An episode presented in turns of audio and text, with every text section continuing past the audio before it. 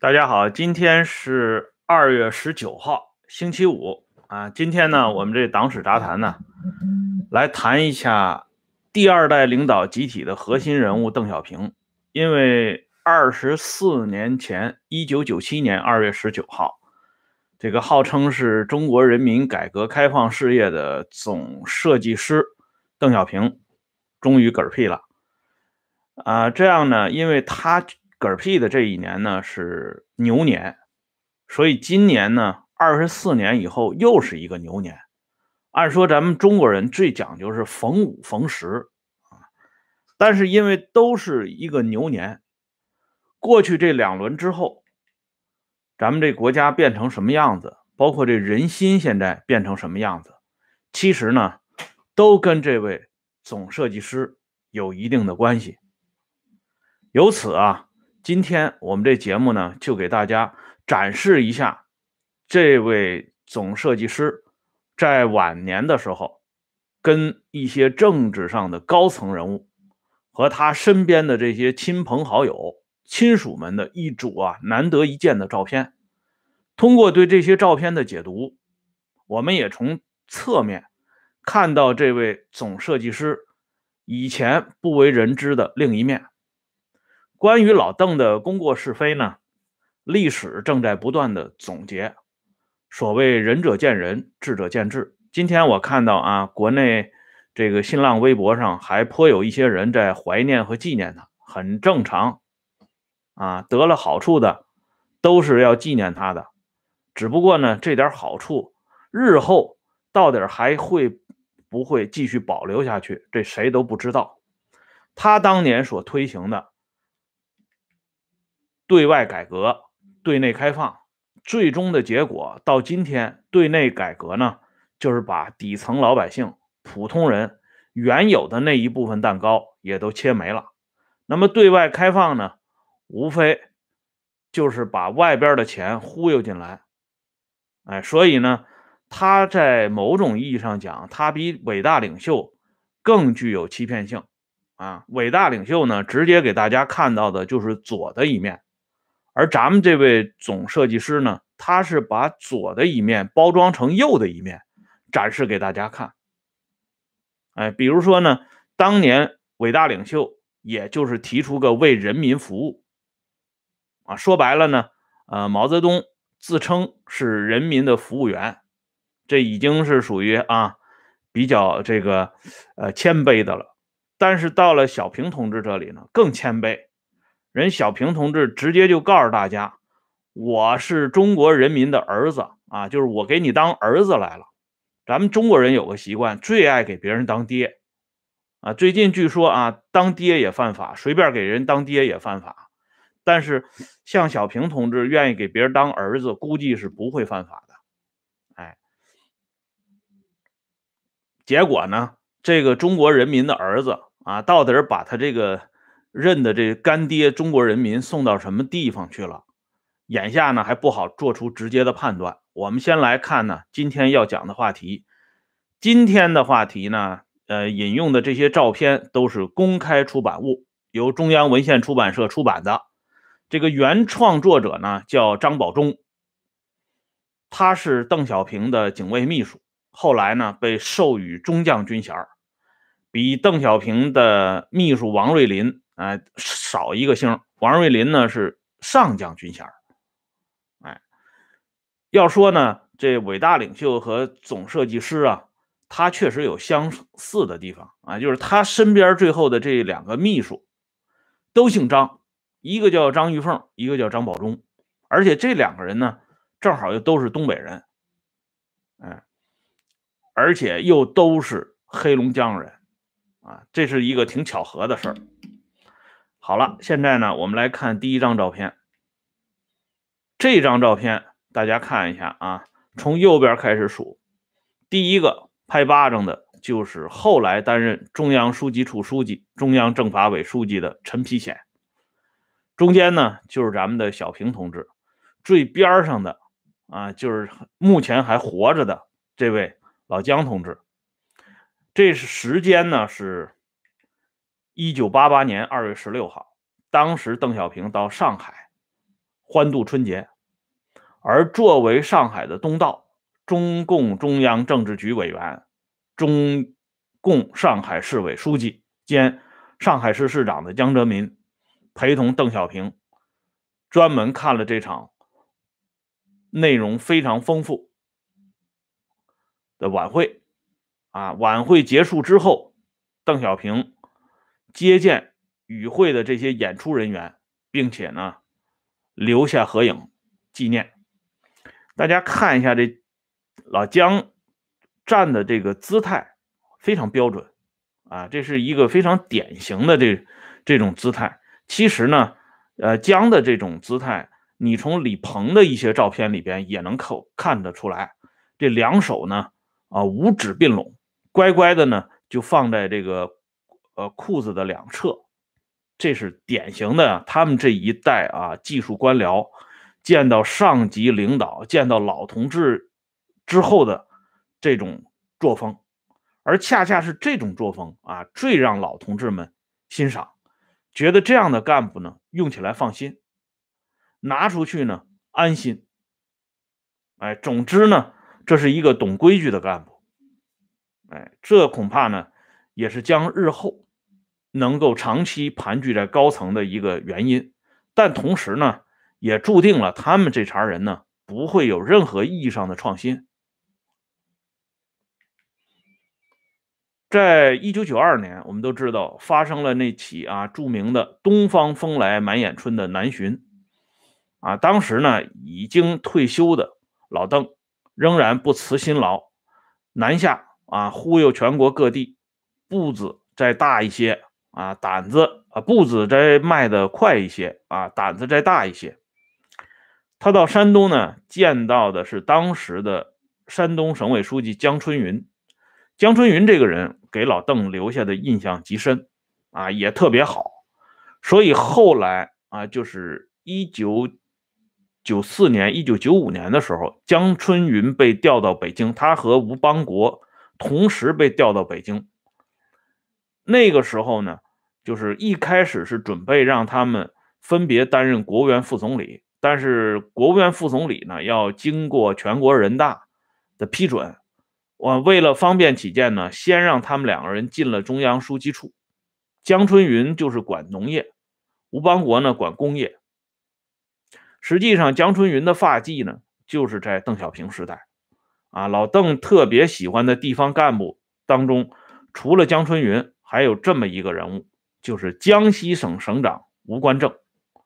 这也是当初啊，邓在南巡的时候见到吴官正，啊，这吴官正你看也是一副很谦卑的样子，啊，吴官正呢见到邓小平之后，据说邓小平对吴官正的工作很肯定，说吴官正是老马识途，因为吴官正本人就是江西省余干县的啊余干县人，而且有的朋友还讲说这吴官正的。他这个余干县的方言特别严重，以至于呢，江西官场还专门要有人给他翻译一下。但在吴官正身边的一些人啊，后来回忆，啊，他说这吴官正在江西担任省长期间，包括后来担任省委书记期间，官声是不错的。啊，这个人中午休息的时候没有别的爱好，就是跟这些啊年轻人下下象棋。哎，而且特别平易，哎，所以呢，当时邓小平比较看好的地方干部当中，吴官正也是一个比较突出的。这张合影呢，是在上海南浦大桥，啊，这个里边的这五个人，大家一看就能知道，邓小平全家三口人啊，然后呢是上海的书记吴邦国，市长黄菊。这刘备啊，当年说过一句话，就是说这五虎大将已剩两人，朕何忍独生？就这照片里边的这五个人，五虎大将，眼下也剩下两个人了，一个呢是吴邦国，一个就是邓小平的这个女儿，剩下的这三个人呢，脚前脚后都先后离开了人民群众。这南浦大桥这四个字呢？就是邓小平给题写的，老邓这个人的书法，在上个世纪八十年代、九十年代，我们见过很多啊。但是这个人的书法，据康生来讲啊，说邓的书法就是初学乍练。康生说这句话呢，应该是比较有权威性的，因为康生这个人的书法艺术和书法造诣，在党内是公认的。啊，不仅一般人啊对康生呢是五体投地，即便是像郭沫若郭老，乃至咱们的伟大领袖毛泽东，对康生的书法都是很买账的。哎，所以他对老邓的这个评价呢？我们从他写的这几个字上边呢，也大抵能够啊看得出来。这张照片呢，是邓小平夫妇和他的老秘书王瑞林在一起的合影。这邓小平特别喜欢他这个秘书王瑞林，在文化大革命期间，这王瑞林还专门呢去看老邓。那老邓当时啊，刚刚被允许可以见外人的时候，他首先提出来的就是见一见以前的秘书王瑞林。而这个王瑞林在邓晚年这个政治生涯当中起的作用是无可替代的。我们都知道那个1992年那个杨白冰换马事件，在这里边呢，王瑞林起的作用也是非常关键的。所以说，王瑞林是邓晚年的这个政治拐棍儿，应该说呢。啊，不过分。这张照片是邓小平、陈云双驾马车的一个非常真实的写照。老邓自己晚年说过啊，他是每周到陈云那里去一次，就中央的一些这个重大人事问题和方针政策问题与陈云进行交换意见。他们两个人的意见统一了之后呢，上层就是履行一个手续。这里呢，大家看一下啊，陈云手里抓的那个核桃，这核桃挺有讲究的啊。原来呢，这个中央给陈云安排啊，就是这个老年人要经常活动手指头嘛。原来给他准备的是两个球子啊，这两个玉石做的这个球子，陈云呢就不拿啊。陈云为什么不拿呢？陈云说，拿那种东西的都是上海滩的老头子。我以前都见过，共产党员怎么能拿那个东西呢？所以后来呢，人家就给他变通一下，拿两个核桃。哎，这回陈云拿了，哎，所以呢，他那个时候有一段时间，他走到哪里手里都攥着那两个核桃，啊，不停的那个晃动，不管是核桃还是球子，上海滩老头子的风采呢，在陈云的身上确实是有所体现，啊，即便是邓这样的人。对陈云的意见也不得不尊重。我们再看一张啊，这里头就有典故了。这是当初邓、陈、李三驾马车的另外一个成成员李先念。大家看一下啊，这里边呢有一个故事，就是他这个桌子上的这个橘子，这里头有一个典故。历史上啊，在南北朝时期。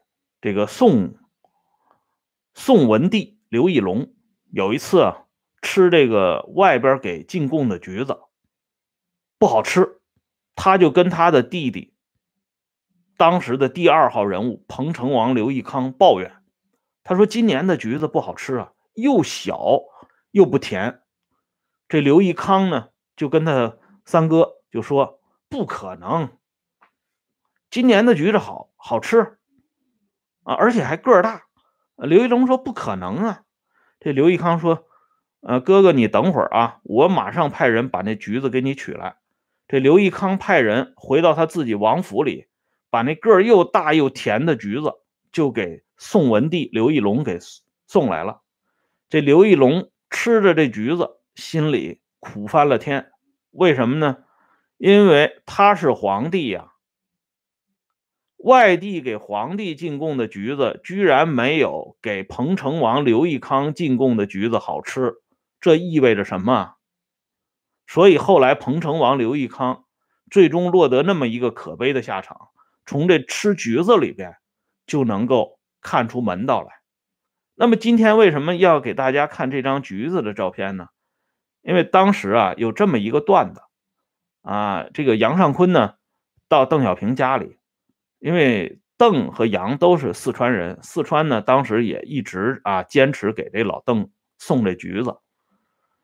杨尚昆到邓小平家吃橘子，然后就说还是小平家里的这橘子好吃。先念家里的那橘子又小又不甜，有这么一个故事。所以咱们知道啊，这李先念这个人在中共八届、九届、十届、十一届、十二届连续五届中央政治局委员，第十一届。中共中央政治局常委、中共中央副主席，第十二届中共中央政治局常委、国家主席、全国政协主席，就这些正高级的职务，除了委员长以外，几乎都让这李先念做了个遍。所以这个人能够啊，以这个不倒翁的这个形象长期停留在政坛上，从这局子上边就可以看到人家的本色演出。好，我们再来看下一章。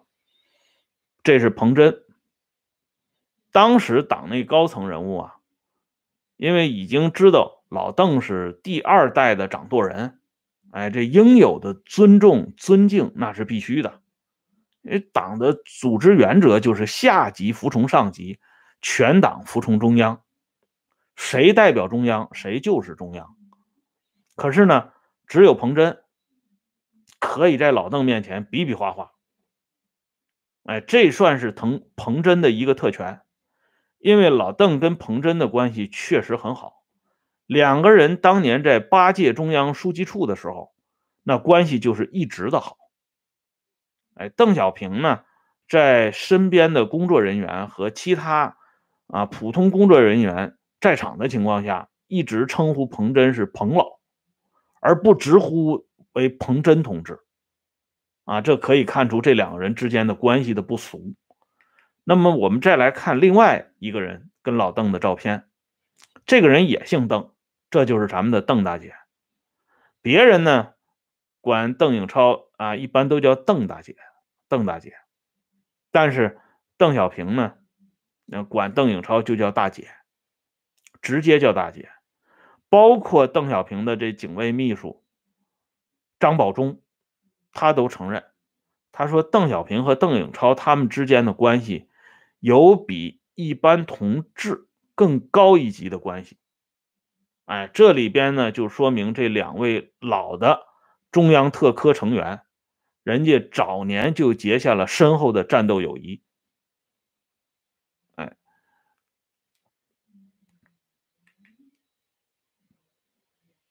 刚才有朋友提啊。就是说，邓和刘伯承的这个在邓晚年没有合影啊。这张照片呢，是邓小平同薄一波、杨尚昆这三个人之间的合影。这里边呢有这么一个故事，大家看这个杨尚昆穿的那个衣服啊，就是一个非常普通、非常普通的军便装。这一天呢，呃，本来是老邓跟薄一波之间谈话。谈到兴奋的时候呢，老邓就临时通知说杨尚昆也来，也来听一听。这杨尚昆呢就赶紧往这儿赶，所以呢就随便穿了这么一件衣服来了以后，你看他这个神态啊，那种倾听的姿态也能够看出一二。而这个时候呢，大伙关注一下啊，老邓的那个袜子啊露出了小腿的一部分。从这一点上看呢，就是这一代领导集体，即便是核心级人物，他们呢距离现代文明和现代礼仪还有相当大的差距。这里我们给大家看另外一个人，就是赵子阳，赵子阳，老赵这个人啊，应该说他对这个现代文明礼仪啊，学西方确实学了多的一些。这就是李先念一直在说，说子阳这个人最大的。缺点，他就是学西方学的太多了。所以你看老赵的他的那个袜子，那是典型的那种长袜啊，即便是翘起这二郎腿之后呢，也保证不露出这个皮肤来。哎，至于旁边坐的这个人，大家也都知道，这老兄呢现在还活着，就是咱们第一张照片的那个啊，人们现在称之为长者的人。还有一个人，这个人呢，就是后来担任中央书记处军委副秘书长兼总政治部主任的余秋里。余秋里这个人啊，他对上级领导的脾气摸的是最熟的。别看一个胳膊，比那些两个胳膊的人聪明的多。一九七六年十二月二十四号，邓小平在三零幺医院做手术啊，就是前列腺的手术。当时老邓没有复出。做完手术以后呢，余秋里是第一个来看老邓的高级领导人。哎，说余秋里当时进来的时候，直接就说：“都说不让来看。”都说不让来看，我还不是就来了吗？所以当时啊，邓小平家里人对余秋里挺感激的，啊，因为那个时候老邓还属于这个在台下呢，敢于冒一定的风险来看望啊刚刚做完手术的邓小平，这应该说是余秋里啊投石问路做的非常漂亮的一招。而大家看到余秋里面前的那个小红色的笔记本了吧？这是余秋里另外的一个高招。只要是到了领导面前，啊，往那一坐，那一只胳膊马上就把这小红笔记本从兜里掏出来了。为什么呢？做记录啊！哎，领导说的话全是指示，全是方针。哎，所以余秋里这个人后来官运亨通，也不是偶然的。那么接下来我们就给大家看一下老邓和他身边的这些啊亲属啊他们的合影。这一张呢，四人合影是邓小平和他的夫人卓琳，以及他的继母啊夏老太太抱着的这个孩子呢，就是老邓唯一的孙子，就是邓子方的儿子。哎，老邓呢对这个孙子特别的喜欢。咱们再看这张照片，这是老邓过生日的时候啊，给这小孙子喂蛋糕的这个情景。就是老邓这个人呢，在晚年留了一组啊一大组照片，就是他跟家人在一起其乐融融的那个状态。张保忠回忆啊，他说老邓这个人其实不是特别爱照相的，但是呢，只要说跟孩子在一起啊，一起照一张相，老邓一般都同意。哎，就是说这个人呢，对孩子的这个感情呢，啊，跟咱们伟大领袖有那么点不一样。啊，可能呢，就是这个演技方面呢，比伟大领袖呢可能更精深一些啊。就是邓卓棣，嗯，说的没错。再来看啊，这个邓卓棣这个这个名字里啊，既有老邓的这个姓，也有卓林的姓。这个棣呢，固然是因为他的小名叫小弟啊，但是呢，却与这个明朝第二代领导集体核心明成祖朱棣。这个名字呢一模一样，哎，不知道这是巧合呢还是怎么样，咱们就提出来一下。这张照片里的这个小姑娘啊，大家看一下，不知道大家能不能猜出来？这小姑娘呢挺有来头的，她的外祖父就是聂荣臻，她就是聂丽的女儿聂飞。当时聂飞呢是在上学。然后老师呢，可能是布置了个什么作业之类的，他呢就请邓小平给他专门做个题词。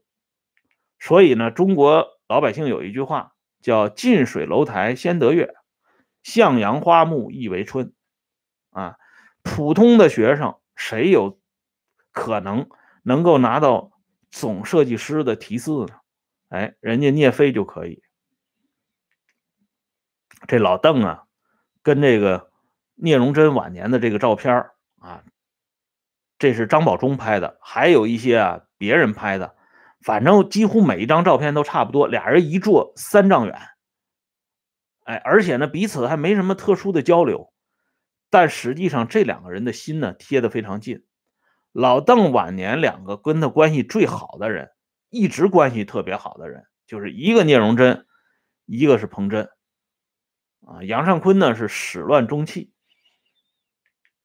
这张照片呢是聂荣臻和他的外孙女聂飞，就刚才那小姑娘他们的合影。这聂飞呢是丁恒高的女儿，按说呢应该姓丁，但是还是姓聂啊。而且呢，他管这聂荣臻呢也不叫老爷，叫爷爷啊。这个可能也是一种特色。这张照片呢是邓小平的弟弟邓肯送给他老哥的生日礼物，一笔寿字，写的非常漂亮啊。据说这邓肯的字呢是深得当年民国大总统曹锟的这个真传啊，因为这个曹锟的二字帖呢被直系的大将萧耀南给保存下来了。后来邓肯呢一直在两湖任职。啊，据说是这个对曹锟的这个字很有研究，不过呢，这都是坊间的传闻，未审真伪啊。大家愿意考证可以去考证一下。这邓肯的儿子眼下也是正在搞历史研究。大家看一下这个照片啊，我们都知道伟大领袖呢吸烟是吸中华牌香烟，这小平呢就是吸这熊猫的香烟。